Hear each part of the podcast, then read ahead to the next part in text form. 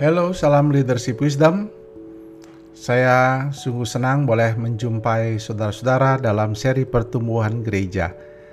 Karena saya tahu bahwa salah satu keahlian yang sangat diperlukan dalam kepemimpinan gembala adalah kemampuan di dalam membuat gerejanya mengalami pertumbuhan.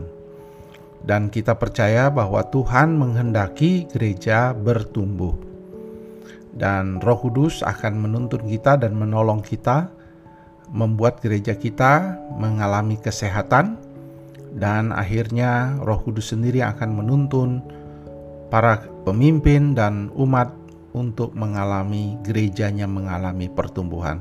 Tuhan tidak mau gereja kita stagnan, jumlahnya tidak bertambah, itu-itu saja, bahkan menurun. Tuhan tidak menghendaki. Tuhan mau kita bertumbuh memang ada kesulitan, ada uh, tantangan yang dihadapi. Namun, misalnya gereja-gereja di pedesaan yang mungkin jemaatnya pergi dan meninggalkan tempat mereka, tentu kita memahami akan hal itu. Selalu ada perkecualian. Tapi ketika kita bicara tentang gereja di mana gereja mengalami di sekitarnya ada ledakan penduduk yang begitu banyak, jumlah penduduk yang begitu besar, lalu dia sendiri tidak mengalami pertumbuhan, stagnan dan malah malah mengalami penurunan, maka itu menjadi suatu tanda tanya. Dan itu menjadi suatu evaluasi yang mendalam bagi kita sendiri sebagai pemimpin maupun evaluasi bagi organisasi. Jadi kita harus tahu Allah menghendaki gerejanya mengalami pertumbuhan. Allah tidak mau gereja kita hanya stagnan Tuhan tidak mau apalagi gereja kita mengalami kemunduran. Nah, kita sudah belajar tentang hakikat, kita sudah belajar tentang uh, pertumbuhan gereja yang alamiah dan sekarang kita mau membahas tentang salah satu hakikat uh, apa kita bicara pertumbuh seri pertumbuhan gereja ini adalah tentang gereja yang memiliki tujuan. Tahukah saudara siapa yang penggagasnya. Nah, saudara yang sudah banyak belajar di dunia teologi dan pertumbuhan gereja pasti tahu dia adalah Rick Warren yang gerejanya ada di Saddleback, California dan masih ada sampai hari ini dan gerejanya masih konsisten mengalami komitmen uh, mengalami pertumbuhan dan berkomitmen terus menggenapkan amanat agung Yesus Kristus. Rick Warren bukunya sangat terkenal Purpose Driven Church. Buku itu sangat fenomenal di, di diterjemahkan ke puluhan mungkin banyak sekali bahasa di seluruh dunia dan telah dijual jutaan kopi dan dia sungguh menjadi berkat. Banyak orang saya bertemu dengan beberapa gembala yang gerejanya bertumbuh selalu mengatakan bahwa mereka sangat diberkati oleh conference-conference atau konferensi yang dibuat oleh Rick Warren dan juga buku dan seminar dan di YouTube-nya dan bahan-bahan materinya banyak sekali beredar di YouTube. Jadi saudara-saudara bisa yang mau belajar tentang pertumbuhan gereja dari Rick Warren dapat mengunjungi gerejanya. Tentunya masih dalam bahasa Inggris. Namun tidak sedikit juga sudah materinya sudah diterjemahkan ke dalam bahasa Indonesia. Nah, dia membahas tentang pentingnya gereja itu bagi Rick Warren. Ketika dia menanam gereja dan membuat gerejanya mengalami pertumbuhan bagi Rick Warren adalah uh, yang harus ditanya para pemimpin yang ingin melayani dan membangun pelayanan apa tujuan yang Tuhan taruh di hati? Tujuannya tentu kita harus tahu semuanya memuliakan Tuhan. Tetapi ketika kita ditaruh dalam satu particular konteks atau konteks khusus di mana kita taruh di kota misalnya, di kota apa, eh, dan di tempat mana, apa yang Tuhan taruh di hati kita. Apakah kita sedang menjangkau milenial, pelajar, menjangkau profesional, semua. Dan semua itu harus memiliki tujuan. Jadi apa yang kita kerjakan harus bertujuan. Itu sebabnya disebut purpose driven church. Jadi teori tentang gereja yang memiliki tujuan itu uh, telah mempengaruhi begitu banyak orang dan itu menjadi kata kunci bagi gereja yang mengalami pertumbuhan. Saya rasa itu uh, sampai hari ini pun dalam leadership pun kalau kita bicara tentang kepemimpinan waktu kita mengangkat seorang pemimpin kita harus bertanya ke mana mau dibawa apa tujuan anda? Apa yang anda lihat di depan? Apa yang menjadi tujuan sasaran? Ya, tentu itu inline atau sejajar dengan apa yang dibahas dalam teori kepemimpinan. Jadi Pak Rick mengembangkan apa yang disebut dengan gereja yang memiliki tujuan. Jadi sederhana sekali bahwa kalau Anda mau gereja Anda bertumbuh, periksa kembali tujuan-tujuan yang Anda susun. Apakah benar sudah jelas? Sebab kalau tidak jelas, kalau tidak tahu, jangan berharap gereja akan gereja Anda akan bertumbuh.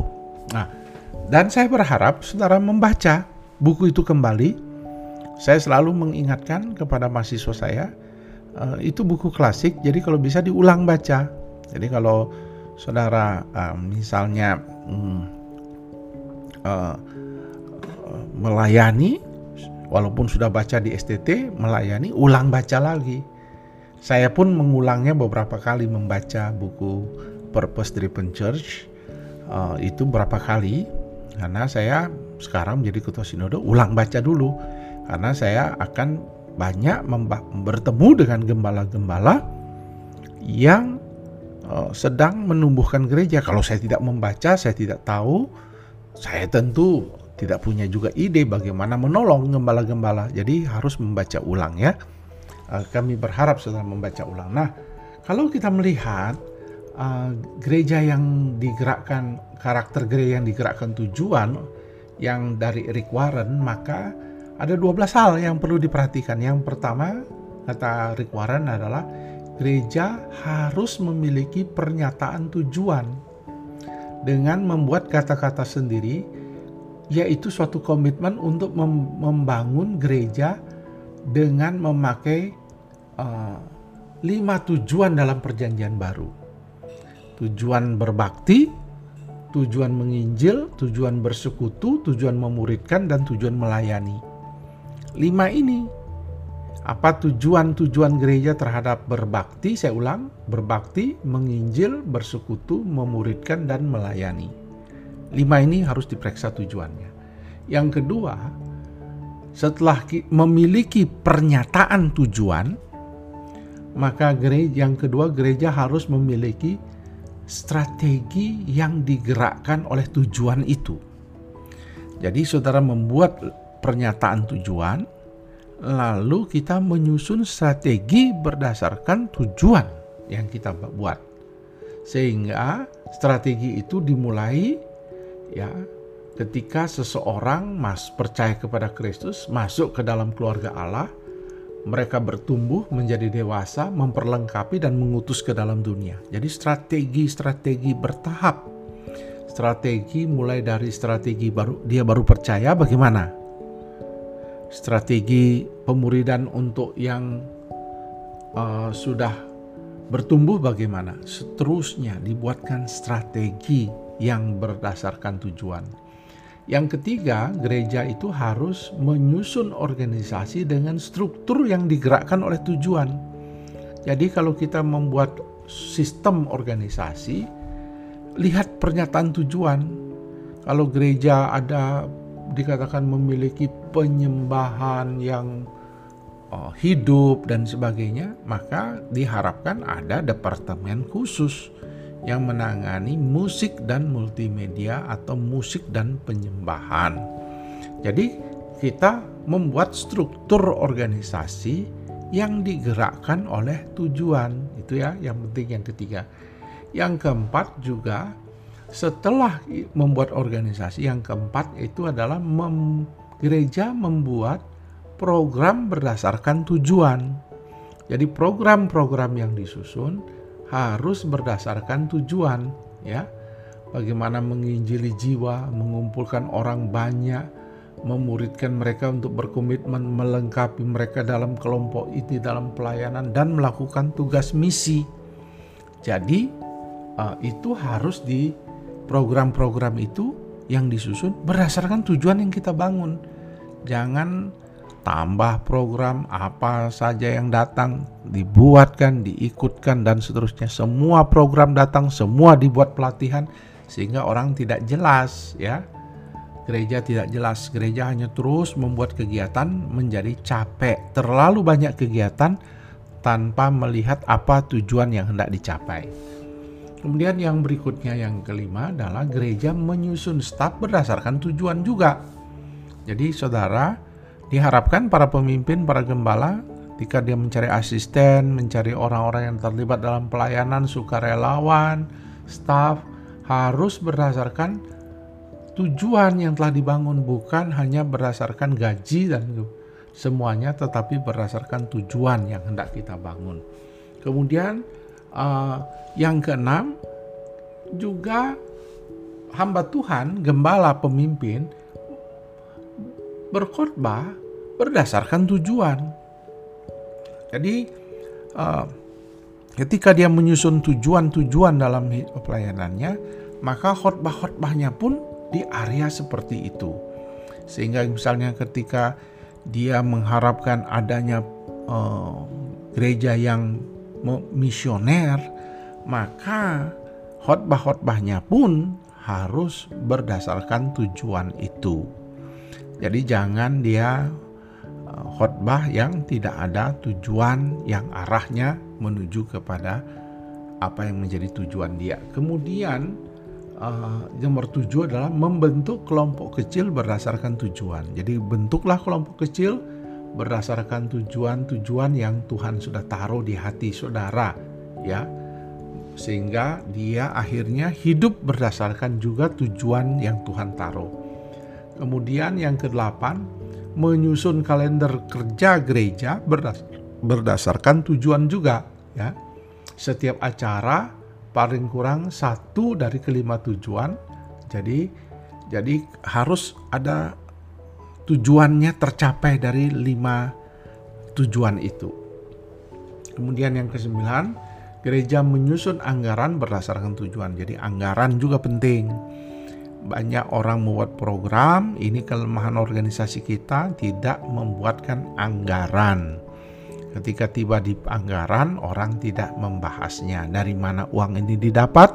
Tidak dibahas. Ini yang menjadi tantangan. Harus dibahas uh, keuangan. Kemudian yang ke-10 membangun gedung gereja pun harus berdasarkan tujuan ya, bukan hanya membangun gedung katedral yang besar tapi tidak ada pelayanan anak sekolah minggu, tidak ada gedungnya, tidak ada gedung untuk serbaguna, tidak ada gedung untuk pertemuan. Kita bilang gereja yang penuh keakraban, tapi tidak ada tempat untuk ruang mereka berakrab-akrab.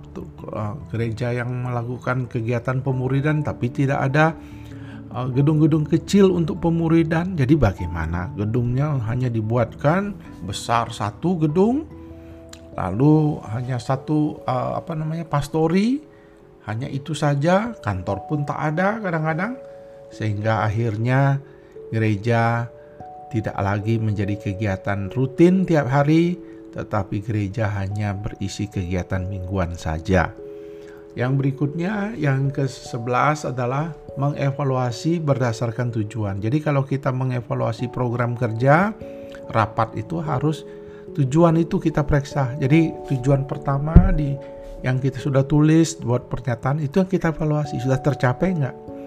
Kalau kita bicara misi pencapaian pos PI sekian, kita evaluasi itu, ya. Jadi jangan uh, kita melakukan rapat yang tidak berguna, tapi melakukan rapat yang tersusun berdasarkan evaluasi. Dan yang ke-12, kita harus uh, ke gereja harus mengembangkan dari luar ke dalam, bukan dari dalam ke luar. Adalah jauh lebih mudah mengubah orang banyak menjadi kelompok inti daripada mengubah orang inti menjadi orang banyak. Jadi gereja patut melakukan pelayanan multidimensional yang sehat yang berfokus pada tujuan. Jadi gereja harus mengembangkan uh, banyak uh, merekrut maksudnya dari luar ke dalam maksudnya lingkaran pelayanan itu dari luar dari uh, jemaat terus kita bawa masuk ke dalam daripada dari dalam kita suruh keluar. Jadi itu teknik yang dikembangkan. Misalnya maksudnya gini, daripada kita hanya berfokus pada melatih majelis, maka lebih baik kita melatih awam. Dengan melatih awam, terus mereka akan dipersiapkan nanti menjadi majelis. Siap daripada dari majelis kita terus fokus kepada lingkaran dalam, diharapkan mereka keluar mereka tidak akan mencapai maksud itu karena mereka tidak mampu melakukannya multiplikasi itu. Nah, kita harus melakukannya seperti itu. Nah, itu yang dikembangkan oleh Rick Warren. Saya harap saudara uh, memeriksa, membaca, mendengar baik-baik podcast ini dan melakukan evaluasi. Apakah gereja kita telah melakukan uh, sesuai dengan tujuan yang Tuhan sendiri taruh di hati kita? Inilah yang saya harap saudara periksa gereja kita. Dan saya berharap gereja saudara mulai akan mengalami pertumbuhan sejak saudara mulai secara serius memperhatikan tujuan-tujuan dalam gereja saudara. Tuhan memberkati